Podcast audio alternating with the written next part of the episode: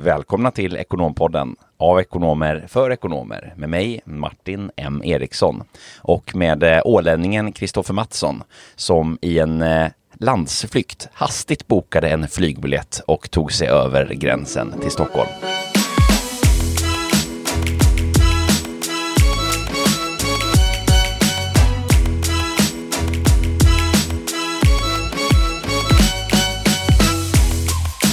Var en hastig landsflykt för dig här i somras från, eh, från Åland över Ålands hav. Vad, vad var det som hände egentligen, Kristoffer? Ja, det har varit minst sagt en händelserik eh, sommar och jag har ju spenderat ja, men, eh, ett par av mina veckor eh, på Åland faktiskt av, av semestern och det blev ett litet abrupt slut skulle man kunna säga. Det var ju i samband med din stundande födelsedag. Ja, nej men det var, det var, det var händelserika dagar där de, de sista dagarna, veckan i juli egentligen, eh, sista helgen där, det är ju även festival på, på Åland, Rock-Off, känner du till den? Ja, jag har sett eh, videos och, och, bilder här från den här Rock-Off-festivalen, riktigt, eh, riktigt party-mode. Ja, nej men verkligen och det har ju varit eh, alltså eh, lilla Åland och Mariehamn och det lilla samhället så har ju varit lite liksom som i en bubbla skulle man kunna säga under pandemin också ju att det inte har funnits någon smitta där egentligen. Men däremot så har man eh, ganska hårda smittskyddslagar och, och, och sådär i, i Finland då som även eh, har tillämpats på, på Åland. Eh, och jag ska inte bli jättelångrandig kring det här men det är ju ganska eh, ganska roligt då. Så då den här sista helgen så hade vi ju liksom i hela, i hela umgängeskretsen hade ganska mycket planerat. Bland annat jag skulle ha dem en liten födelsedagstillställning där på, på fredagen och eh, på lördagen så hade vi även en, eh, en annan bekant som skulle ha en lite större stugfest då med, med mycket, mycket folk och, och, eh, och trevlig mat och trevligt häng och sådär. Eh, men då, då är det ju alltså så här att om en person eh, på Åland blir positivt eh, så att man har eh, Positivt testad för, för covid. Exakt. Då har man då alltså ett smittspårningskrav, vilket ju inte finns i, i Sverige på motsvarande sätt. Eh, vilket då innebär att du behöver i princip uppge alla personer som du har eh, varit nära, eh, jag tror det är 10 eller 15 eh, minuter, eh, om du liksom har varit i närkontakt med dem de senaste 48 timmarna, så mm. kommer då de här personerna bli spårade och sen bli uppringda och bli satta i, i en ofrivillig karantän då egentligen. Precis, där blir man alltså satt direkt i karantän. Exakt. Eh, och Väldigt det innebär... effektiv och hård eh, smittspårning och, eh, och eh, skydds... Ja, verkligen. Och det, det blir ju också då att du, det kommer ju leda till att du testar troligtvis ganska mycket friska människor också då. Men det här ledde då till att eh, ja, men det var en, en person då som, som hade, eh, ja, men hade corona då rent, rent krasst efter den här första festivalhelgen och det här var ju någonting som man hade kunnat förutspå eh, Eh, ja, sen innan att ja, men det här kommer att hända och vad händer då med den här lilla ön, kommer allt stängas ner?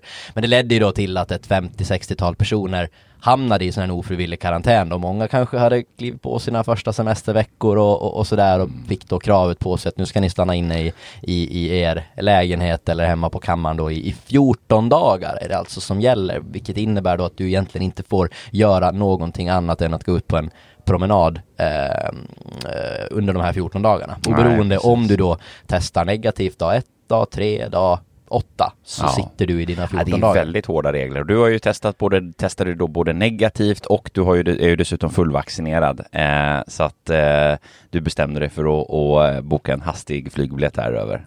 Exakt, nej men jag, jag har ju haft eh, corona innan och jag hade mitt första vaccin. Full, fullvaccineringen blev senare här i, i Stockholm mm. sen, men jag testade ju mig och hade ju inga liksom, eh, hade inga, sym, vad heter det, sympatier tänkte jag säga, inga symptom. Så då bestämde jag mig för att nej men jag, jag, jag, kommer inte försätta mig själv i 14 dagars karantän utan jag, jag flyr till, till Stockholm då rätt krasst så, så slapp jag ju egentligen den här karantänen då för att de kan ju inte landsförvisa mig eh, över gränserna då, eller landsförvisa säger De kan inte sätta mig i karantän över gränserna. Ja, eh, men jag kände att jag tog mitt, mitt ansvar genom att kontrollera att jag faktiskt inte hade någon, någon pågående infektion då i min kropp liksom. Eh, så det kändes ändå, eh, det kändes ändå bra. Och sen så ändrade de faktiskt med direktiven att efter att jag hade flyttat, men då fick många av mina bekanta som satt i den här karantänen då efter den sjunde eller åttonde dagen, då fick de faktiskt komma ut till, till verkligheten igen. Mm.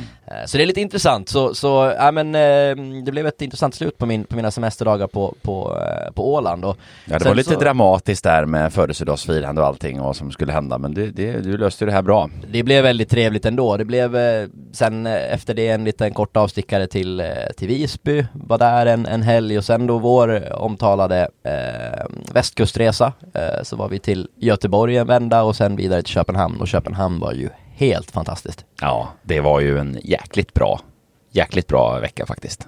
Eh, de dagarna. Både i Göteborg, du fick ju premiär, gå på Avenyn och strosa där och se spårvagnarna passera. Eh, och eh, blicka ut över, eh, ut över Göteborgs stad från någon bättre rooftop-bar. Verkligen och fick ju även eh, väldigt bra väder när vi var där eh, och, och tajmade in det på ett, på ett mycket bra sätt och god mat och nej, det var också en bra upplevelse som jag tar med mig eh, från den här sommaren. Vad säger ålänningen om Köpenhamn? God pölse, och eh, fantastiskt det här med att man kan köpa en Carlsberg i, i samma korvkiosk och just det här liberala, härliga liksom feelingen. Det känns som att alla är nej, men på glatt humör och snälla och glada och trevliga och nej, jätte, jättefin upplevelse verkligen. Ja. Uh, dit, dit, dit, dit, kommer jag att återvända. ja, verkligen. Nej, men Köpenhamn är en sån här favorit. Uh, och bor man som jag, eller uppvuxen som jag då på västkusten så är det ju liksom väldigt tillgängligt också nära till hands. Så att det har ju varit många, många vänder över dit genom åren, vilket är, är kul och fint. Så att det är nej, riktigt härligt. Det var en bra, bra eh, vecka där också och eh, det har ju varit eh, eh, lite blandat här för min del med både storstad och eh, eh, friluftsliv kan man ju minst sagt säga. Jag har ju gjort premiär för en sak som jag aldrig gjort förut och det är att paddla havskajak själv. Det var en riktigt, riktigt rolig upplevelse måste jag säga. Ja, jag har följt eh, dina stories här på, på sociala medier. Det har sett väldigt, väldigt fridfullt och trevligt ut. Och idag ska vi faktiskt så paddla kajak med, med jobbet också, lite, eh, lite sådär teamaktivitet. Det stämmer, lite after summer get together som vi kallar det. Eh, så vi sticker ut idag här eh, och ehm, vi kommer att eh, göra en paddling här i, i Stockholm Eh, inklusive då eh, middag utomhus och så vidare. Så att det kommer bli en, en riktigt fin, fin dag. Kul att summera ihop här eh, lite vad alla har hållit på och pysslat med under, under sommaren. Men det är ju det är ett, eh, ett intressant, eh, för er som då aldrig har paddlat havskajak, kan ju ett litet medskick då är ju att om ni ska ge det en, en chans så är det ingen idé utan det är lika bra att ge det två chanser det för första gången blir ganska ofta en nära döden upplevelse för många av, av, om man är framförallt om man är lite rädd för vatten eller om man är lite obekant liksom med den typen av miljö överhuvudtaget. Då. Eh, första gången man sätter sig i en kajak det känns ostabilt och det är rangligt och man är rädd att gå runt och vet inte riktigt vad man ska göra då och så vidare. Så att det krävs ju några timmar den här sittbrunnen i kajaken för att liksom bli bekväm i själva eh, liksom den kontexten och vara i den. Så att är ge det två gånger i alla fall, då, då får man liksom eh, den andra gången man hoppar i kajaken en, en helt annan upplevelse. Eh, och kanske blir lite mer biten. Så att det, det är ett, ett riktigt, riktigt härligt sätt att vara väldigt som i ett med naturen. Och det var kul att göra det själv också. Det var ju en, en utmaning. Jag har ju paddlat väldigt mycket eh, med, med vänner och, och, i sällskap, vilket ju är kanske det normala att man gör då. Ehm, men jag ville ha en, en liten eh, ny twist på det här och eh, både få en kul utmaning och upplevelse och, och ge mig ut på egen hand, vilket jag gjorde här vid, vid ett par tillfällen då i somras eh, på västkusten. Så att det var, var fint. Uppe i norra Bohus, eh, Kosteröarna och, och eh, Kosterhavet. Det är en nationalpark där faktiskt. Så att eh, kan man se mycket fåglar och sälar och det är mycket djurskydds naturskyddsområden. Eh, och all fartygstrafik är begränsad till fem knop och så vidare. Så det blir väldigt, eh, blir väldigt eh, mycket fokus på bara naturen. Härligt, men eh, Stockholms skärgård är inte så, så, eller ska vi säga innerskärgård är ju inte så tokig den heller. Så det blir trevligt att, att se vad, vad det har att bjuda på idag. Ja, verkligen. Det ska bli riktigt skoj att sticka ut här och dra med, eh, dra med gänget. Eh, vad har du för eh, eh insikter om, eh, om eh, sommaren här nu då? Efter nu har du summerat lite semesterperiod och det är dags att återgå här till, till, ehm, eh, till lite mer eh, vardagliga rutiner som vi ska faktiskt fördjupa oss lite kort på idag. Ehm, vad har du för, för sommarinsikter med dig? Det är dyrt med semester. Nej, det är väl, det är väl ingen, ingen insikt eh, som sådan, men, men Det är mer ett konstaterande. Ja, exakt. Jag brukar reflektera över det. Det är ganska intressant just det här hur man, men likväl om man är på, på en semesterresa någonstans i södern eller just bara när man går och checkar ut för semester och stänger av datorn och, och allt det här. Just att, eh, ja, vilket mode man går in i det här semestermodet just att, ja men pengar, man slänger dem runt omkring sig. Det, det är taxi dit och det är utemat hit och det är eh, köp kaffe dit. Eh, och sen så inser man det, jag eh, tänkte på det när vi, när vi eh, hade varit eh, vår helg i Köpenhamn då, det var liksom, det fanns ju inga bromsar på någonting när vi väl var där. Men direkt sen när man landar på Arlanda, eh, då är det billigaste färdmedlet in till Stockholm, då var det flygbussar. så då fick man nästan någonstans dra i bromsen. Och det är ganska sunt att man har ett sånt förhållningssätt, att man ändå liksom, man kan koppla loss och koppla av när man väl är på semester, men sen någonstans måste man ändå hitta tillbaka till det vanliga, återgå till, till rutiner och ja, leva som man gör. Eh, men det är ganska intressant det där just hur det slår av direkt när man kommer liksom på, på ja i det här fallet och på, på Arlanda, nej men då, då, då är det kommunalt som gäller. ja exakt, jo men det, så är det väl och det är väl lite sunt att det, att det är på det sättet tänker jag. Det är väl inte, inte så ovanligt heller. Eh, det, jag menar, man bryter ju av, eh, man är ju i en annan kontext, en annan miljö, lever på ett lite annat sätt man är, när man är, är, när man är ifrån sin, sin, eh, sina vardagsrutiner så att säga. Ja, och det är intressant det där. Jag tycker ju å ena sidan att det är en charm i sig att man liksom mm, ja, man, man släpper sina rutiner och sådär men samtidigt så jag tror att jag kan räkna antalet gånger jag lagar middag i sommar på, på en hand liksom och det blir sådär men hämtmat och några öl och några glas vin för mycket. Det, det, är, väldigt, det är väldigt skönt. Bara det gör ju det härligt att få komma tillbaka på, på eh, ja men och börja arbeta igen och just hitta tillbaka till rutiner och sådär. Det, det har jag verkligen sett fram emot. Ja. Sen är det klart att lite mjuk start tror jag är, är bra. Det tar ju några veckor och ja, akklimatisera sig i, igen då. Ja, verkligen. Och det är ju, jag har ju tjatat om det här innan så att ni som har, eh, eh känner mig eh, väl eh, vet ju att jag har eh, det här begreppet som jag brukar eh, orda om ganska ofta just att det är kontrasterna som gör tillvaron och det är ju eh, precis så det är. Men nu har vi ju haft en, en kontrastfullhet i form av sommar, semester, ledigt och nu är det dags att, att återgå lite grann. Och eh, det gör ju naturligt då när man återgår till då det som då är det ja, vanliga inom situationstecken eller vardagen. Det gör man ju med ett nytt perspektiv. Man gör ju det med det kontrasterade perspektivet för att man, man har ju brutit av med en ledighet, en sommar, en semester andra eh, rutiner, vanor och, och annat som vi har liksom haft under sommaren. Och eh, när vi då kommer tillbaka så blir det ju naturligt att man ser på tillvaron kanske med nya ögon just utifrån att det är kontrasterat. Och det ska vi ju egentligen hoppa in lite på idag och, och prata lite så här allmänna bara eh, lite lätta hösttips här som kan vara bra att ha med sig när man, när man är tillbaka efter, eh, efter semestrarna och lite hur man kan, eh, kan få en bra, bra start på, på höstsäsongen.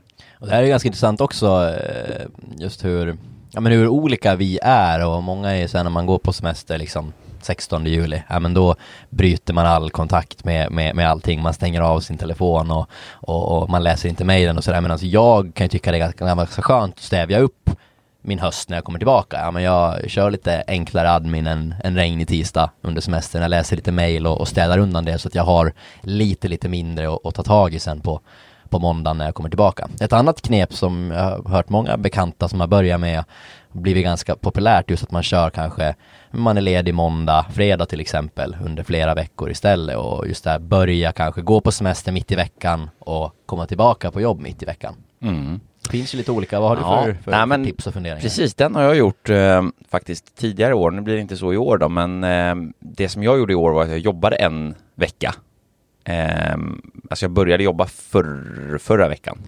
Fast då jobbade jag bara en vecka, sen hade jag en veckas semester till.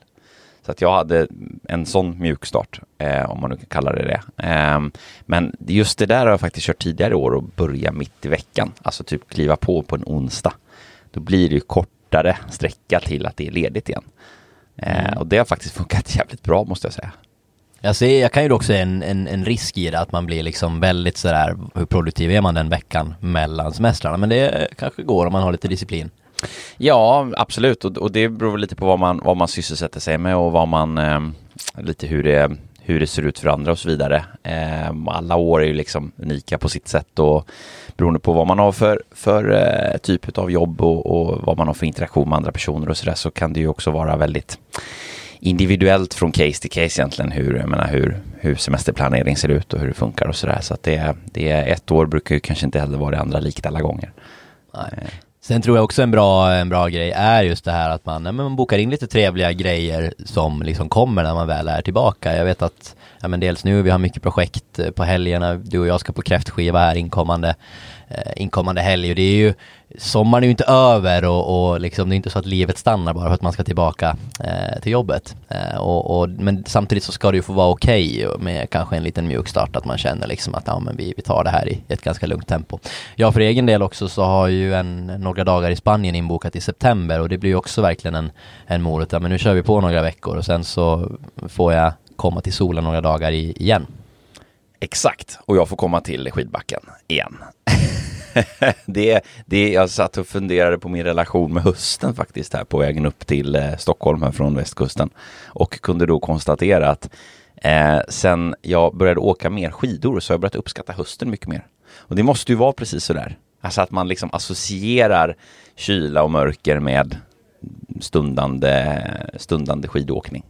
Mm, det är lite, är lite tragiskt. Nu är det slut på eftermiddagsgolfen också, just att sticka ut en, en ja, du bör ju nästan slå ut innan fyra för att du ska hinna spela 18 hål i, i, idag, eh, för att innan det skymmer. Och man märker också hur snabbt det går liksom här i mm.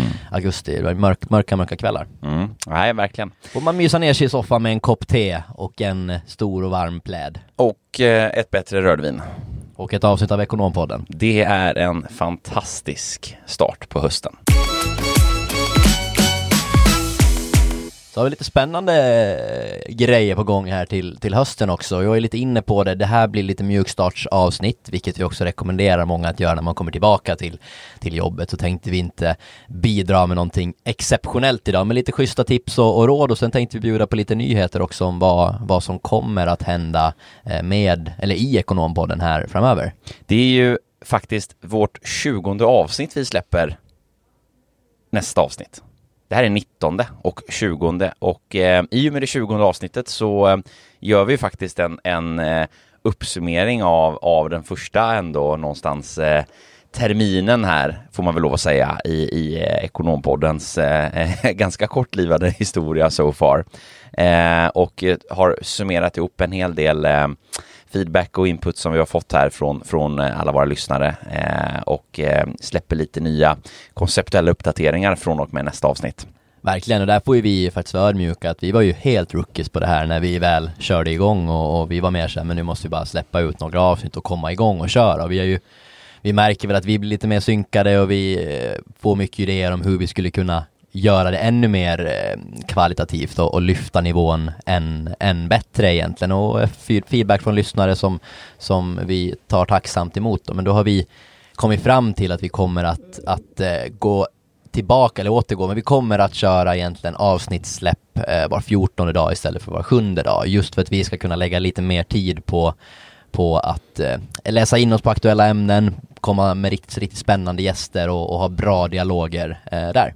Precis, och låta er alla lyssnare få eh, eh låta våra eh, fina insikter och kunskaper vi delar i Ekonompodden sjunka in ordentligt och jobba med dem så att det blir eh, ett, ett lagom tempo på inputet. Nej, men 14 dag, eh, det är vad vi kommer att, att köra här under hösten från och med det 20 avsnittet. Eh, och det blir också ett annat djup med eh, en hel del då fördjupningsavsnitt och eh, intervjuavsnitt då, med spännande gäster på, på ehm, olika ämnen och ehm, ehm, vissa ämnen har vi ju tagit oss igenom ganska övergripande och vi kommer att djupdyka då eh, ner på dem också lite mer specifikt och fördjupat eh, likväl som eh, då både genom egna fördjupningar och då med eh, fördjupningsavsnitt med gäster.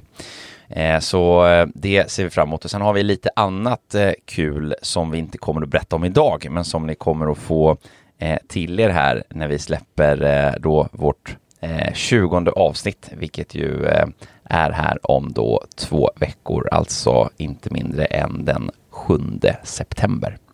Så 7 september har vi eh, Eh, ja, kommer vart det. 20 avsnittet med eh, de släppen som vi gör. Det ser, ser vi verkligen fram emot. Och några ämnen som ligger eh, väldigt eh, nära i tiden här är ju i huvudet på en rekryterare. Alltså hur tänker eh, personer i rekryterande ställning? Vad är det man tittar efter? På vilket sätt arbetar man? Vilket typ av metoder finns för att, att driva rekrytering och rekryteringsprocesser? Eh, där kommer vi ha då eh, gäster i form av våra kollegor som är specialiserade på lite olika områden som kommer att eh, gästa oss och dela med oss eh, av eh, lite de perspektiven då både utifrån ett beställarperspektiv och chefs och ledarperspektiv hur man kan tänka, men också utifrån då ett, ett eh, individuellt perspektiv om hur ska man tänka i sin, i sin karriärsituation när man, när man står inför de här funderingarna att, att eh, kanske flytta på sig eller eh, för den sakens skull träffa rekryterare överlag för att diskutera någon form av konkret möjlighet eller lite mer allmängiltiga möjligheter framåt. Eh, och sen lite branschspecialiseringar. Vi har eh, ett riktigt spännande avsnitt som kommer eh, på temat eh, kreditmarknaden. Hur funkar egentligen den svenska kreditmarknaden? Eh, utlåning och inlåning av, av pengar och de flödena. Eh, vi kommer att fördjupa oss på kryptovalutor, bitcoin eh, bland annat då som ju har varit en, en fantastisk investering minst sagt. Eh, här, jag läste en artikel om en eh, kvinna som hade då eh, köpt bitcoins för många, många år sedan eller fått eller köpt och sen så då tappat bort den här Eh, datorn där hon hade de här registrerade och de skulle då vara värda ett antal miljarder idag. Det var ju helt sjuka belopp. Så hur funkar egentligen kryptovalutor och vad är liksom eh, de nationalekonomiska perspektiven likväl som de samhällsekonomiska perspektiven på de här nya valutorna? Och sen lite andra branschspecialiseringar. Vi kommer att gå igenom eh, företagsfinansieringsfrågor. Vi kommer att fördjupa oss på eh, förvärv, uppköp, sammanslagningar av bolag och då titta på det utifrån både liksom ett finansiellt, strukturellt likväl som eh, organisatoriskt och ledarperspektiv. Så eh, jäkligt många spännande kul ämnen som vi har här i vårt tjugonde och kommande avsnitt därefter efter Ekonompodden. Verkligen, och vi kommer också gå in lite på det här med olika karriärvägar igen och vilka yrken kan man jobba med och lite liknande som vi vi pratade om revision och hade lite gäster där så kommer vi att ta ett grepp också om redovisning och lite olika förgreningar där med, med eh, lite spännande gäster. Så eh, se, se fram emot det verkligen och den här hösten med lite mer, eh, lite mer djup och lite mer kvalitet är vår förhoppning i alla fall att vi kan, att vi kan bidra med. Verkligen.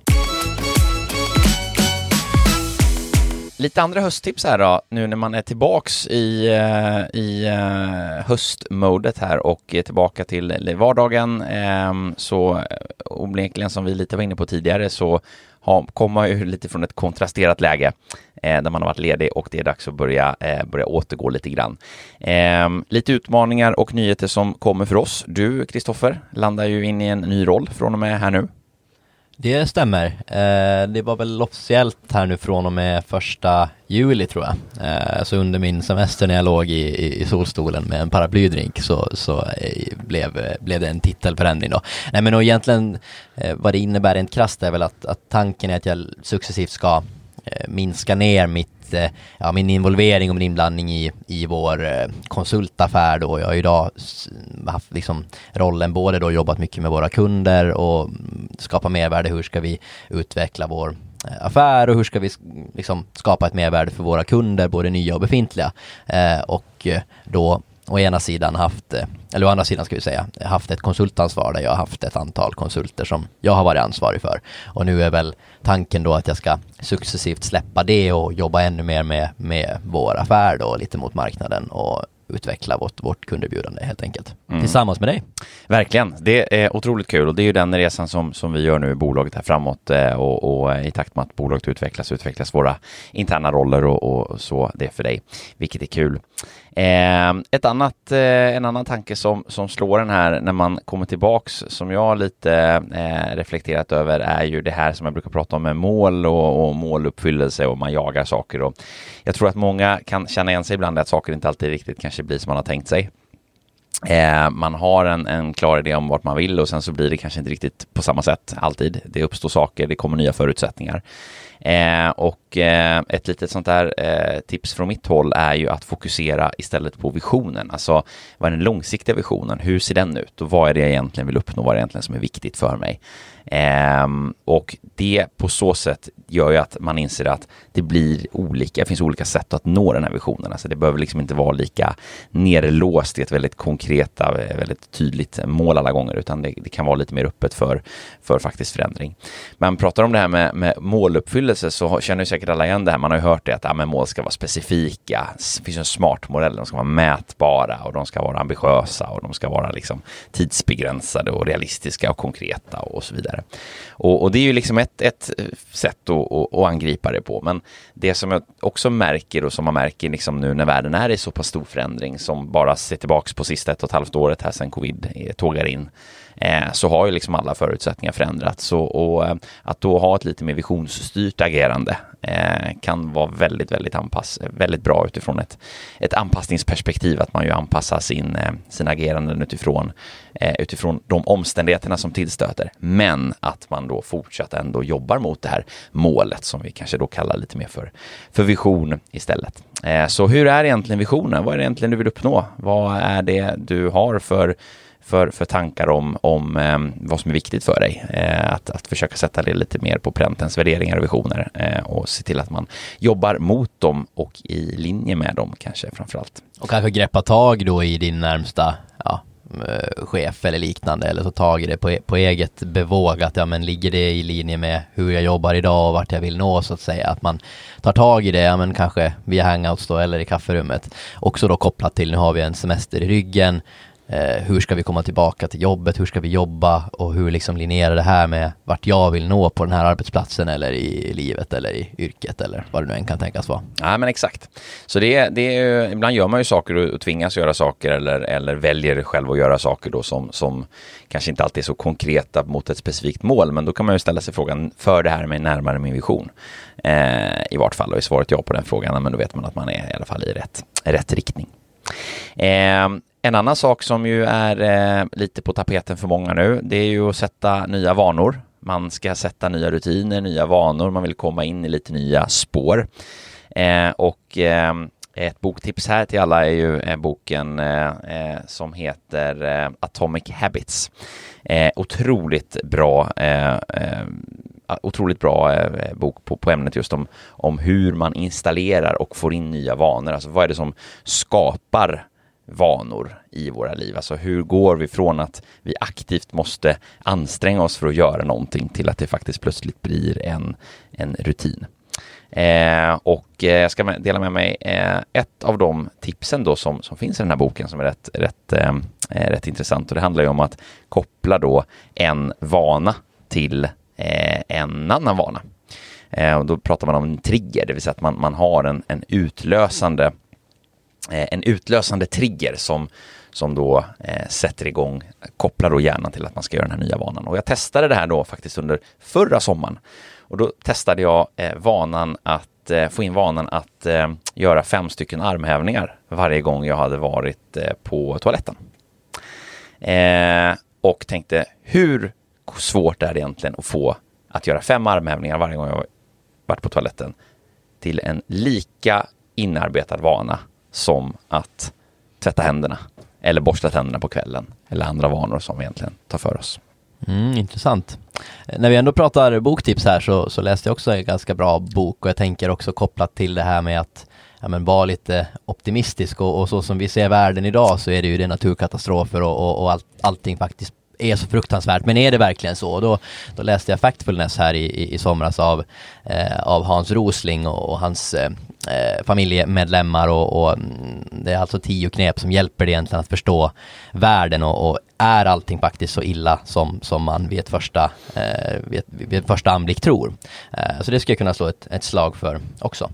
Sen kan jag inte låta bli att tänka på när du pratar om nya vanor här så tänker jag ju per automatik till ja, men, nyårslöftet när det brukar vara liksom fullsmockade gym där i januari och sen mitten på februari så, så dör det ut. Tror du att vi kommer se samma samma eh, trender på, på eh, gymmen här nu i ja, början på september? Bra fråga faktiskt. Det ska bli, ja, det är, det är ju fortfarande lite speciellt då. Nu börjar det återgå förvisso mer, mer med folk har fått vaccin och, och annat. Um, men det känns som att, att, att människors livsstrukturer är så jäkla förändrade. Så att jag, jag funderar nästan på, på om det kommer att, att slå på ett annat sätt nu. Det är bara att titta på hur förra, alltså se på hur liksom mycket eh, säsongsaktiviteter har varit betonade med outdoor nu sista ett och ett halvt åren, alltså de här senaste två, två somrarna eh, och även vintrarna då. Jag minns ju väl förra våren när alla skulle köpa längdskidor. Och det var ju snö långt in på, på vårkanten här i, i, eh, i stora delar av Sverige och det var ju en, en enorm hets för att, att skaffa plankor och åka längd på. Så att eh, Ja, vi får väl se lite. Eh, det, det, det, känns som att jag har ruckats ändå ska jag säga. Så det kanske inte riktigt samma hets eller på ett nytt sätt. Nej men jag tror att du har en poäng i det. Sen tänker jag ju framförallt på den här hetsen som, som alla känner inombords. Nu behöver jag röra på mig, nu behöver jag göra det här, nu ska jag liksom nu ska sixpacken fram här till sommaren 2022, eh, så börjar jag i tid. Men eh, jag tror också att vi rör oss ju och för oss ju på andra sätt än, än vad vi gjorde tidigare, så man kanske föredrar att göra det i, ute i löpspåret nu till exempel istället för att trängas på, på ett gym. Men vi får se vad som händer. Mm. Ja, verkligen. Tid för reflektion, tänker jag. Eh, du brukar ju skriva väldigt mycket. Eh, någonting som du har försökt få in mig på, men som jag inte riktigt har fastnat för eh, ännu. Men, men det kanske skulle kunna vara någonting. Berätta vad det ger dig. Ja, exakt. Alltså det har ju verkligen varit någonting som jag har, har fastnat för eh, och som är ett fantastiskt verktyg eh, på många, många sätt. Eh, och kort egentligen vad, vad det handlar om, det är att, eh, att skriva, att få ner tankar, eh, känslor, reflektioner, funderingar eh, i ord på ett papper. och då har jag en skrivbok som jag skriver i. Berts dagbok. Ja, exakt. Martins dagbok. Eh, jag skriver en del, jag skriver faktiskt en del även rakt ner på datorn ibland eh, av kanske praktiska skäl eller att det, att det går fortare ibland. Eh, men de fyller lite olika syften de här ändå, eller liksom de, det får lite olika effekt om man skriver på datorn eller skriver i en bok. Men eh, principen egentligen med skrivandet bygger ju på att du eh, väldigt, väldigt, väldigt eh, på ett väldigt effektivt sätt avlastar eh, hjärnan och minnet och sinnet och känslorna eh, från det här du har eh, i, i dina tankar. Och det kan vara alltifrån resonemang som man för med sig själv på alla möjliga tänkbara typer av ämnen. Alltså vad som helst i livet. Det kan verkligen vara eh, familj, relationer, eh, jobb, karriär, hälsa, ekonomi, eh, vad, högt som lågt, allt möjligt, högst individuellt. Eh, och där ju man tänker väldigt mycket. Jag är en tänkare. Jag har ju tänkt väldigt mycket. Eh, och har ju jobbat också väldigt mycket med liksom att få liksom, känna, vad känner jag egentligen och så vidare. Och ibland är det känslor och tankar och vad det var och så vidare. Och så kommer man till väldigt mycket, ibland bra insikter, man kommer på bra idéer, man, man får ner liksom eh, får ner någon, man får upp någonting i skallen som man tänker fan det här är liksom, det här är bra. Och bara att få ner det, att få ner det på ett papper och känna då bra, nu kan jag släppa det här, nu kan jag jag kan glömma det här nu, jag kan släppa det och gå vidare. Och veta att det finns kvar. Jag har förevigat det här, så jag kan när jag vill gå tillbaks till att se, hur var det jag tänkte då? Hur kände jag då? Hur, res, hur reflekterade jag då? Och det här har ju då fått en, en effekt på ganska många olika plan. En av dem handlar ju om att föreviga eh, goda in, insikter, tankar, idéer. Alltså, det här har jag tänkt, det här är bra, det här har jag liksom, det här finns här så att jag kan när som helst gå tillbaka och titta på det. En annan sak är ju att faktiskt förankra lite grann, eh, eller föreviga lite grann de beslut man tar. När man fattar viktiga beslut eh, så har man ju ofta en, en klar idé om varför man gör det. Och med tiden så har vi, vi har ju ett selektivt minne, alltså vi glömmer ju av vissa saker eh, och andra saker fastnar och så vidare. Vi ska inte fördjupa oss på det idag. Men att då faktiskt gå tillbaka och se, men vad var det egentligen? Varför fattade jag egentligen det beslutet? Varför varför gjorde jag som jag gjorde vid den här tidpunkten? Varför valde jag att eh, gå den här vägen? Varför var det här viktigt för mig här och då? Varför valde jag att eh, kliva in eller kliva ur från en relation eller arbetssituation eller vad det må vara? Eh, och påminna sig själv.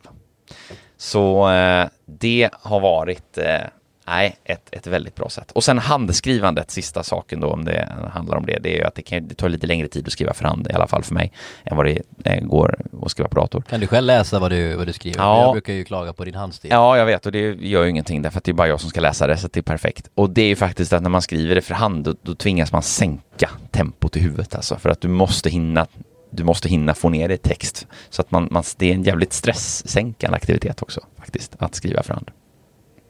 Så eh, ja, det låter lite som mormors tips där. Jag är fullt, fullt medveten om det.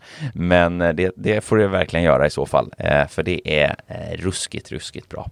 På tal om tips också skulle vi kunna återkoppla här till avsnittet om dig E-Type som vi hade här under, under sommaren. Och då bad jag dig att fundera lite kring ja, men snabbt, enkelt, gott matlagningstips. Så jag tänkte mm. att du skulle kunna få det nu som, som hemläxa till nästa avsnitt 20 då och, och fundera ut någonting. Ja, det ska jag definitivt göra. Jag sa det då, jag, till vardags blir det mycket sallader. Men sen gjorde jag faktiskt en klassiker här eh, i häromdagen bara. Ja, det är så jävla gott alltså. Stuvad, dillstuvad potatis och gravad lax.